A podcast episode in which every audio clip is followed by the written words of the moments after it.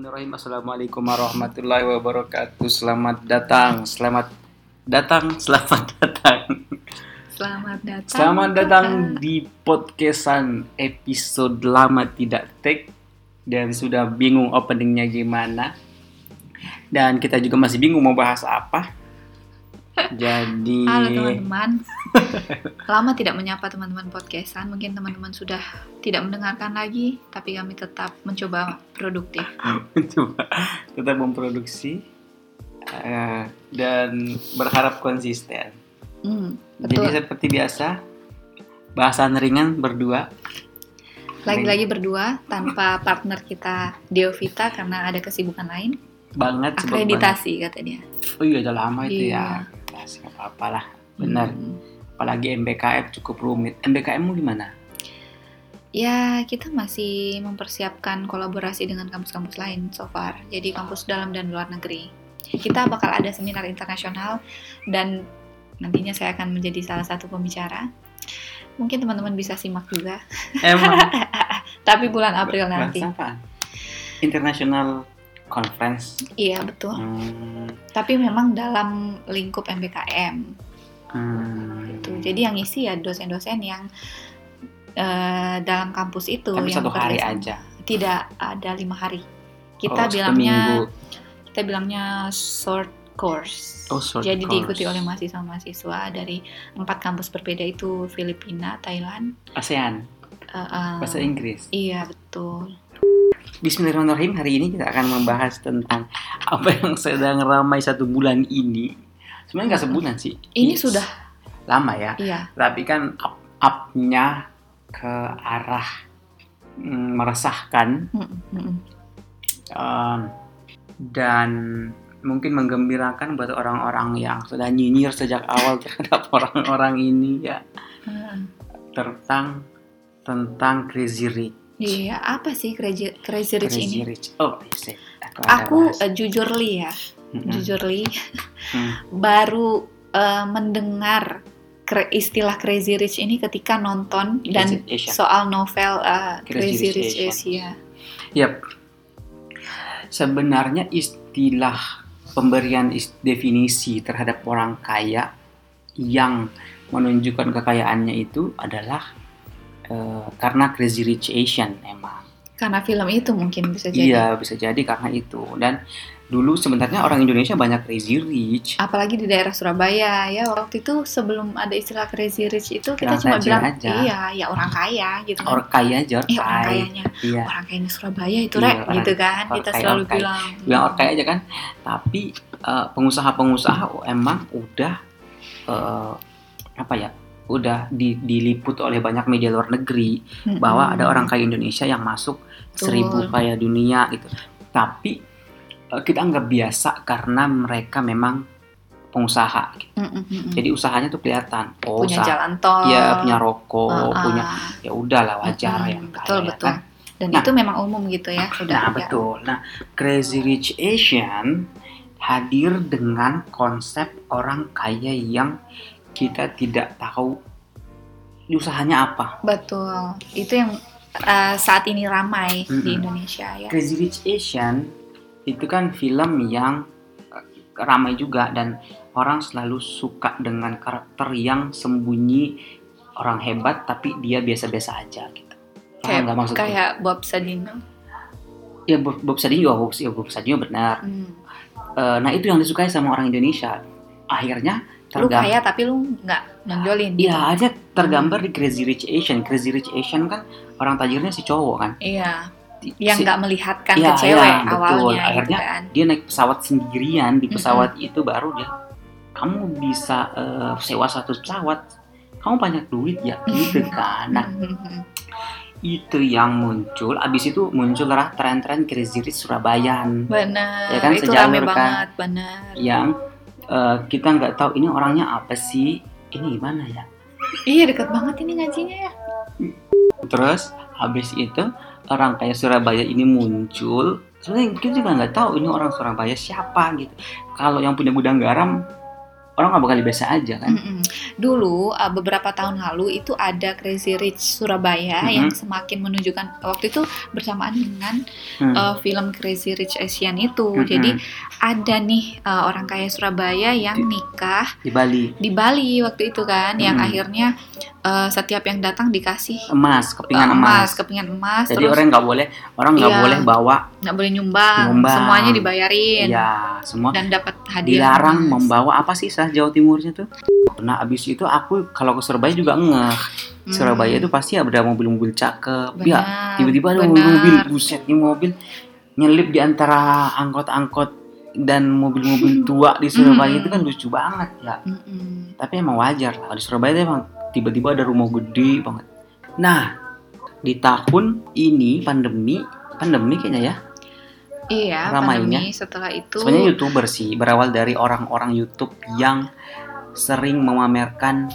eh, harta betul. Ya, Mm-mm. rumah mobil nah ini juga dibahas nih sebenarnya sih tren ini pamer-pamer harta itu sudah lama terjadi di Indonesia tetapi selalu ditutupin dengan kata-kata hasil kerja Ata kan gitu Oh iya, jadi dengan eh, penggambaran Crazy Rich yang Kerja bisa keras. kaya, iya bisa Iya. kaya, apalagi di usia muda, iya itu sesuatu yang wow. iya tapi dengan kerja keras Ata kan ada lagu kan Mah apalagi judulnya Waduh. nggak tahu lah lupa aku Aku malah nggak tahu ya, ada gitu. pokoknya buat menutup mem- membalas mulut-mulut orang nyinyir gitu Hmm. loh kerja kata musik intinya kerja work hard Oke. work hard gitu. Ah, sorry, aku nggak tahu ya.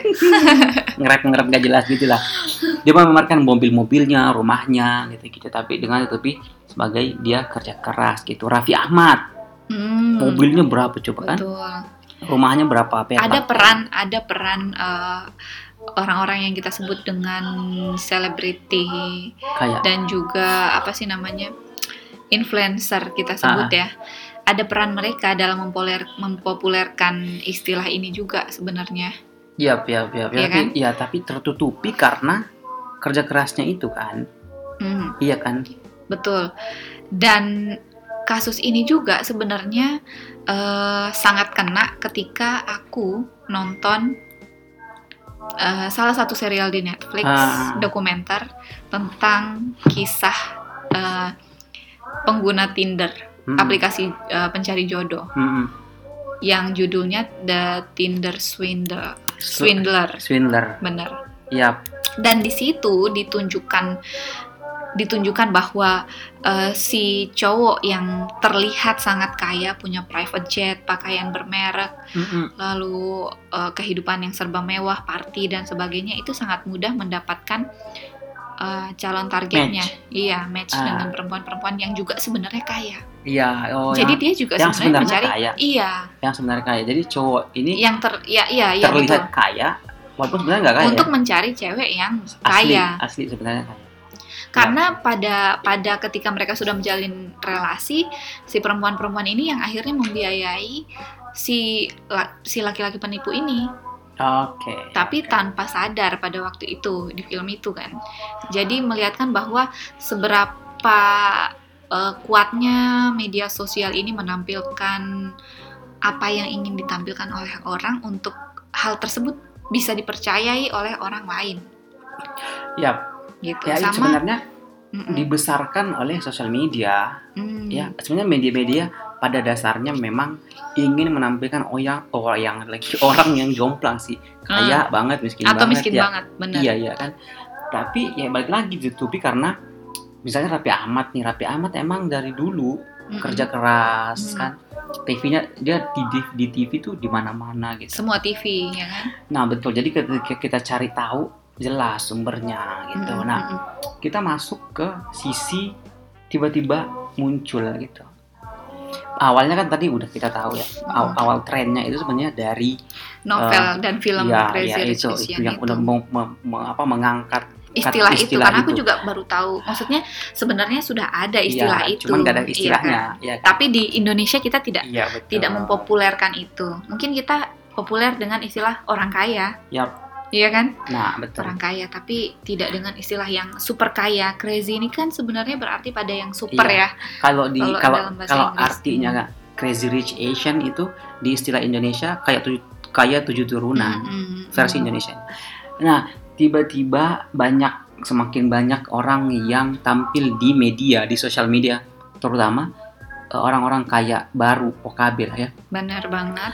yang me- menampilkan secara gamblang kekayaan mereka gitu.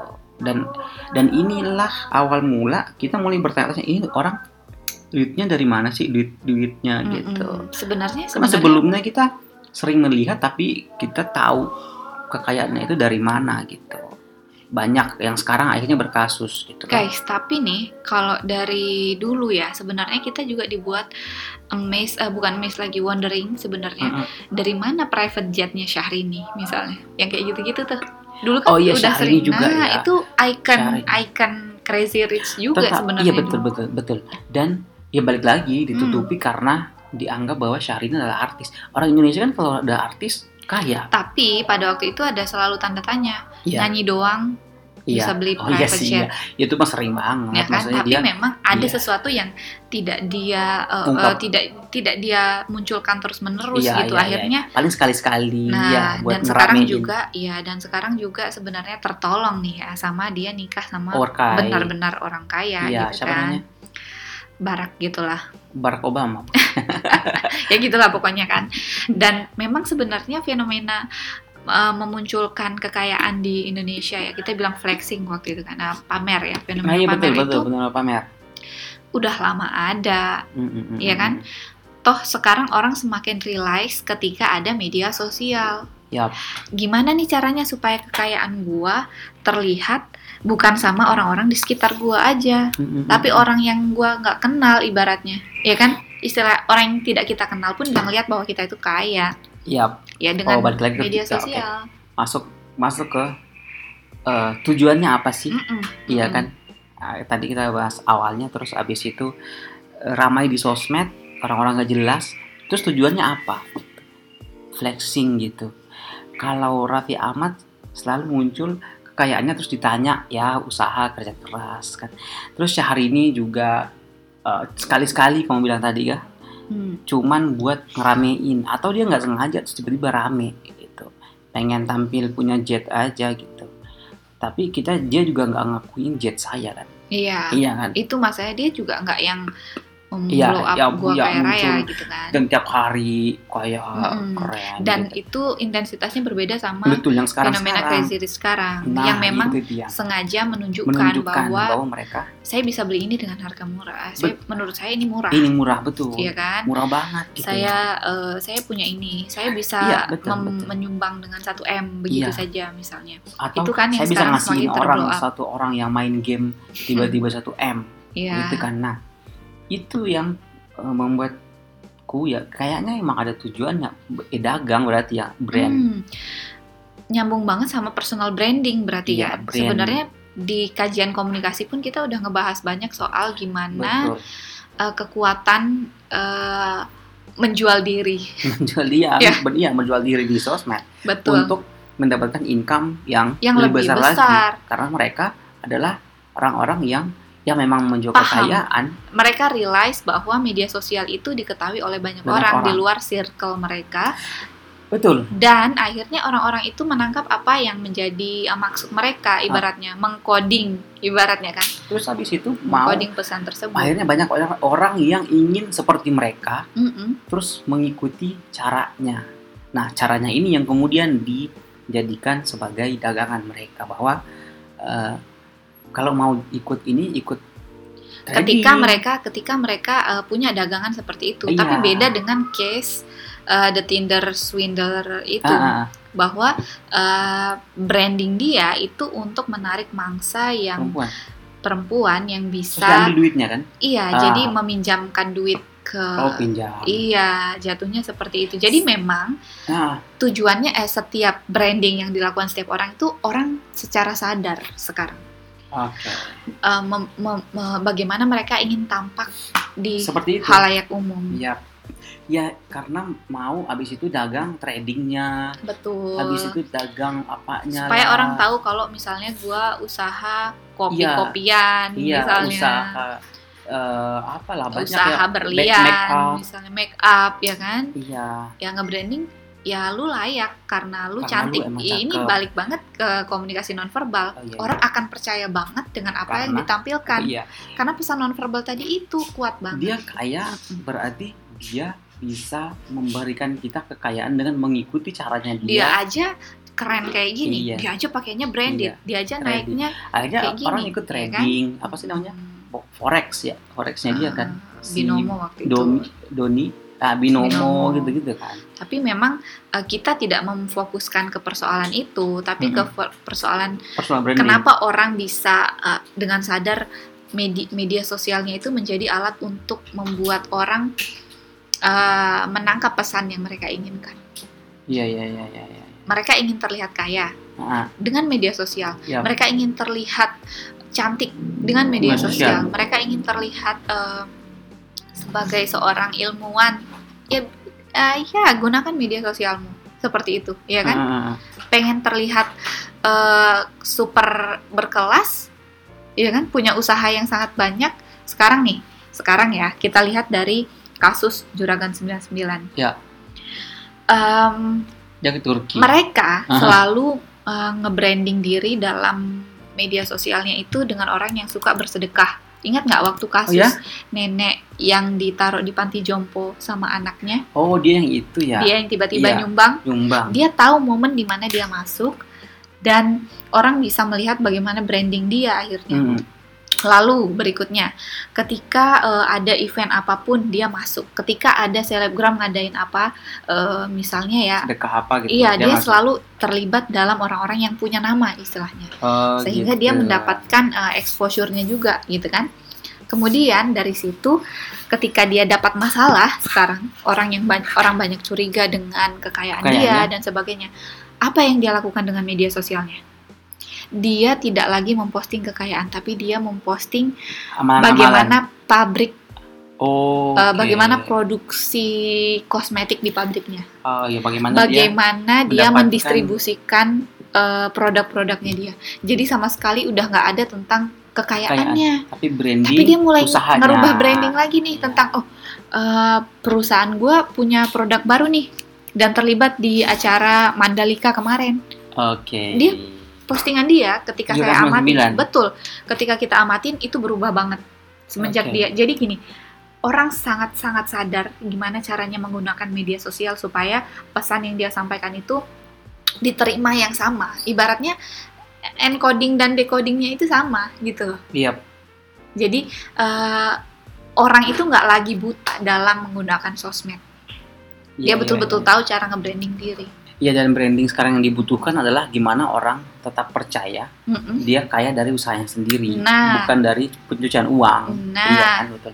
Nah, Benar. balik lagi dulu ke Crazy Rich yang sekarang berkasus. Hmm. Kemarin kan sempat diundang di Indosiar tuh.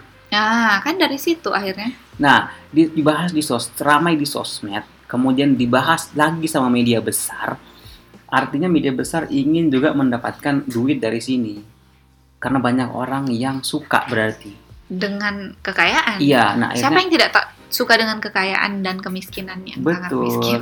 tapi mereka kalau aku lihat ya ada banyak jurang, ada banyak eh, orang kaya, tetapi eh, Ata nggak diundang, yang diundang tuh beberapa Ata, tapi nggak diundang. Terus Karena- PS Store nggak diundang, kenapa ya? Em, karena dia tidak, mungkin dia bermain di belakang layar, tidak mengatakan bahwa eh, saya sultan. Oh iya, Saya- PS Store juga nggak terlalu ngesultanin diri ya.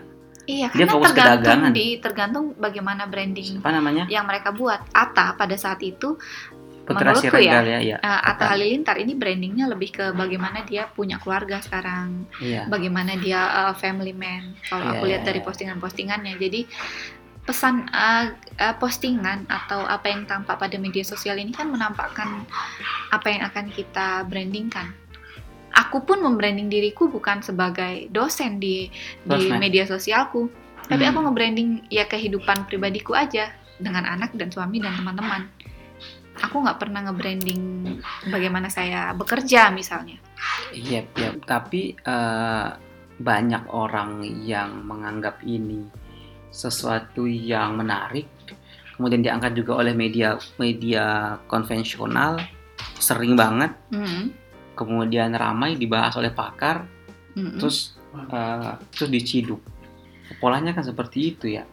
polanya eh, orang akan mencari tahu akhirnya dari Iya, mana betul, kekayaan kamu. Betul. Sama seperti eh, perempuan-perempuan yang menjadi korban the Tinder swindler Ah, ini. film itu. Dia dia akhirnya mencari tahu ke mana uang-uang yang dipinjam ini untuk apa. ke mana sebenarnya si peminjam uang ini, si penipu ini, ya kan? Oke. Kasusnya kan orang akan mencoba mencari tahu dari mana harta kekayaannya. Apakah betul dia uh, punya perusahaan berlian dan sebagainya? Apakah betul dia uh, perusahaan kosmetik itu dijalankan? Akhirnya kan ketika iya orang akan mencoba menampilkan yang di belakang layar lagi. Nih, nih loh kekayaan gue dari sini. Misalnya Raffi Oke. Ahmad muncul ini kekayaan gue dari Iya. MC, dari kerja. Iya kan orang Iya, iya, berusaha dari menampilkan itu PSR sekarang ke Mekah. dan ngajak influencer. Iya, dan ngajak influencer. Berarti kan dia mau menjaring orang-orang yang punya eh, jala besar di sosial media. Walaupun dalam konteks ibadah. Iya Mm-mm, nggak ya? mm-mm. Jadi Sebenarnya kalau aku ngelihat ya, eh, gimana cara orang nge-branding dirinya itu dari berbagai aspek dong. hmm, Nggak salah dong nge-branding diri iya sih harus Taat beragama. Iya, iya betul. betul. dengan Mengajak ngajak artis-artis umroh kan, dan iya, sebagainya. umroh, gitu, ini kan gitu. salah satu cara membranding diri juga yang sebenarnya I- di konsep ibadah. Hmm, pada konsep komunikasi pun ada beberapa variabel yang bisa Hmm. kita lihat dalam melihat personal branding. hmm, Ada keaslian, ada integritas, ya kan? Ada konsistennya. konsistensi. Nah, Pak. keaslian ini gimana? Jadi sebenarnya semakin eh, mencerminkan bahwa dia benar-benar kaya, ya kan? Dia benar-benar punya segalanya, ini kan? Integritasnya bagaimana? Moralnya. Ini kan Oke. integritas. Oh iya iya. PS Store ini mencoba PS membangun, membangun integritas, integritas itu. Islamis Nah, dan ataupun si ataupun eh, eh, Crazy Rich yang lain pada saat itu integritasnya mungkin ah, touring rumahnya tapi bukan moral tapi emang moralnya sih rusak sih udah ya yang jelas yang sekarang ketangkap yang sekarang ya. ini kan akhirnya Iya, iya. nah ketika anda tidak bisa mempertahankan keaslian dan Iya. integritas ini Ada kan hancur salah satu ya. variabel jatuh ya kan oh, iya, konsisten iya, iya. juga nih konsisten doang maksudnya konsisten doang kayak kayak kayak kayak tapi moralnya enggak nah asli enggak jatuh gitu. juga Oke. jadi kan ada aspek konsisten dalam mem- membentuk personal branding konsisten di mana nih? Misalnya nunjukin pakaian-pakaiannya branded Mm, nunjukin terus. suka traveling Hmm, nunjukin eh, makanan mewah. Ini kan konsistensi. Ya ketika misalnya dia terlihat tidak konsisten mungkin akhirnya orang bertanya-tanya doang nih eh dia beneran kaya nggak sih kok kemarin lihat bajunya dia kayak baju harga 20 ribuan doang ini kan tidak konsisten Iya, artinya iya. orang mulai tidak percaya dengan branding yang dia ciptakan Iya. tapi kalau keaslian dan integritas ini dua hal penting juga ya kan betul, betul, terus betul. spesialisasi, spesialisasi kalau keahlian Mm-mm. kalau Raffi Ahmad udah jelas dia nah nunjukin artis. gue dari bisnis ini Iya, brandingnya oh gue iya. Gua eh, dikenal sebagai pengusaha baik karena ini loh usahanya. Iya betul. Eh, Spesialisasi gua di sini. PS Store ke Iya dagangan HP-nya. Walaupun ini seri- PS Store sering dicerang dari integritas karena dianggap apalah itu tidak bermoral. tidak Ta- tidak tapi sebenarnya karena dia gini ya PS Store oh, ini kan ditutupi dengan itu ya. Ah, ah, enggak sebenarnya gini PS Store ini kan dianggap ya barang-barangnya Ah ya itu. BM Ah betul. berkait dengan moral BM. juga kan. Iya mah itu. Tapi dia. sebenarnya gua eh, saya kan tinggal di lingkungannya PS Store nih yang setiap pagi Store. dia misalnya bagi-bagi subuhan. Nah itu dia ditutupin dengan itu. dia bagi- bagi- dia sedekah pom bensin bensinnya digratisin. gratisin bensin bayangin oh iya. dia gratisin makan setiap hari jadi Iya, itu yang dia Jumat ya. lakukan terkait integritas Oke oke. selagi oke, ini oke. berjalan aku rasa bakal tetap brandnya tetap Terus wibawa juga di lingkungan condet berarti. Benar. Iya, ini iya. membangun wibawa ya kan Eh, diakui dalam bidang tertentu artinya apa orang ngakuin bahwa dia yang punya PS dia yang punya NS Glow dia yang punya brand-brand dia yang PS Glow. punya Heeh, dia yang punya Rans Entertainment Oh iya iya. ya iya. kan Terus habis diakui itu? diakui lah Iya ya diakui benar. kekhasannya dia punya perbedaan keunikan, nggak Iya benar. apa yang unik, ya. menjadikan dia uh, berbeda dengan orang kaya yang lain, ya, dengan Uh-uh. crazy rich lain. Terus relevansinya, bagaimana uh, hubungan dengan halayak dianggap penting dia.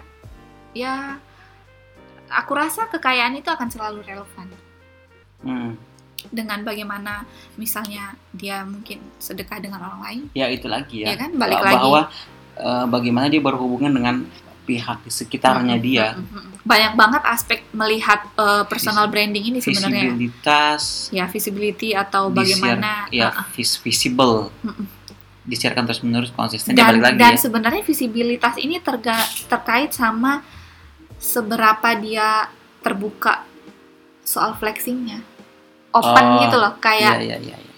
lu nunjukin apa eh, nunjukin aspek apa aja sih traveling ke mana aja kamar hotel kayak gimana harganya kayak gimana Ya. seterbuka itu nggak Hmm, sevisible itu nggak ya kan Oke, lalu kegigihannya juga tuh Kegigihan. aspek-aspek kegigihan bagaimana pengorbanan, kesabaran ya. eh, segigi apa sih kamu jadi orang kaya? Tadi kayak yang lu bilang soal Atta Halilintar, hardworking Ya, dan hard work, sebagainya. hard work gitu Iya kan? Oke. Itu kan aspek yang ngebentuk personal branding banget. Terus good- Yang orang bilang, eh Ah. orang termakan dengan cerita-cerita Crazy Rich yang dengan modal berapa tuh eh, si Indra Kents? Terus dia Nggak bisa ngelipat gandain duit. Jadi 200 ribu kali. Iya, jadi dia dulu miskin Iya. atau siapa kuli bangunan. Nah, Oh, cerita-cerita yang dianggap- kayak dianggap. gitu. Sama kan kayak si Ini kan kegigihan. Iya. Lu kuli bangunan si siapa eh, DS itu siapa namanya? Jadi. Salvanan. Ah, ah, kuli bangunan kuli lulusan bangunan? SD, mm-mm, Oh, ini lulusan SMP ya? SD deh SD apa kayaknya. SMP Ya ya? kayak gitu deh. Pokoknya terus dia bilang, "Eh, ini kan menjual kegigihan nggak sih? Iya. Ketika lu kerja keras, lu bisa lebih kaya dari yang lulusan S2 misalnya. Ya ah, kan? iya, iya. Ini kan menjual kegigihan, branding kegigihan ini muncul. Ini Oke. ini jadi poin branding kuat juga. Kebaikan. Nah, kebaikan ini ya bagaimana pengakuan ya tiba-tiba sedekah 1 M. sering banget sih ya Iya kalau kan? PSR sih kayaknya Kayaknya setiap Jumat tiba-tiba nyari Ketika- orang-orang di pinggir jalan terus di dan yang terakhir kinerja. kinerja. Kinerja. Ini terkait dengan perbaikan diri.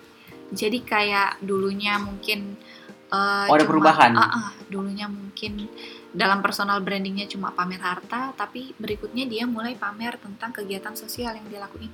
Hmm, Iya nggak sih? personal Jadi branding. perbaikan-perbaikan personal branding kayak tadi soal J99. Ya. Dulunya pamer eh, harta terus nih. Beli mobil, beli jet. Sekarang nggak nggak ke aspek belinya, tapi ke cara, kerja mendap- keras, cara eh, mendapatkan khas eh, kinerjanya. uang-uangnya Iya untuk- kan?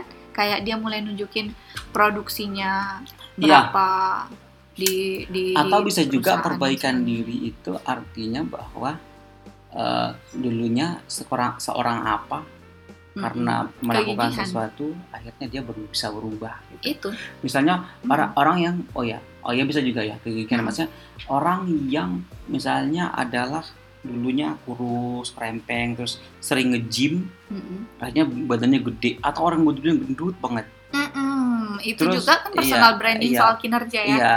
Usaha sekeras eh, apa betul, gitu ya? Akhirnya jadi badannya eh, kurus atau Mm, mm. atau berisi tegap eh, jadi dianggap ideal gitu. Hal yang dianggap ideal. Jadi guys, memang terkait penggunaan media sosial dan istilah crazy rich, ini orang yang benar-benar sangat sadar melakukan hal itu. Ya kan? ya Dia sadar tentang konsep personal branding ini. ya ya untuk jual dagangannya Mm. dia lagi ya Jadi kalau kita belajar tentang konsep personal branding ini ya memang ada beberapa variabel.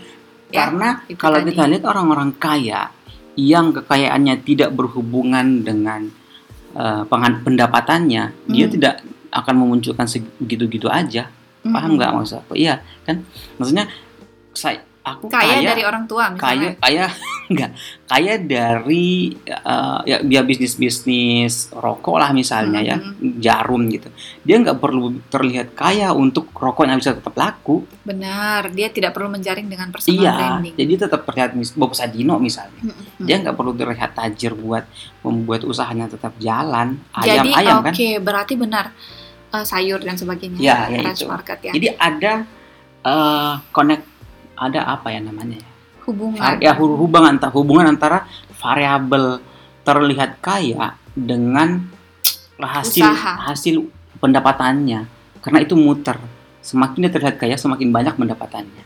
Hmm, benar Iya, kan? banget. Itu yang kita dapat Siap, sekarang itu ya. dia yang kita kesimpulan Mm-mm. dari diskusi kita sepanjang setengah jam. Mungkin itu tentang fenomena crazy rich tentang fenomena dan crazy rich. branding di dan media personal sosial. branding di Hmm. media sosial untuk uh, mendapatkan income ya atau apalah Uh, apakah untuk itu menarik mangsa ya. apakah itu dalam bentuk uang apakah dalam bentuk followers apakah dalam bentuk Betul. uh, pekerjaan oke thank you sudah mendengarkan sampai jumpa di podcastan episode selanjutnya bye bye Bye teman-teman. assalamualaikum warahmatullahi wabarakatuh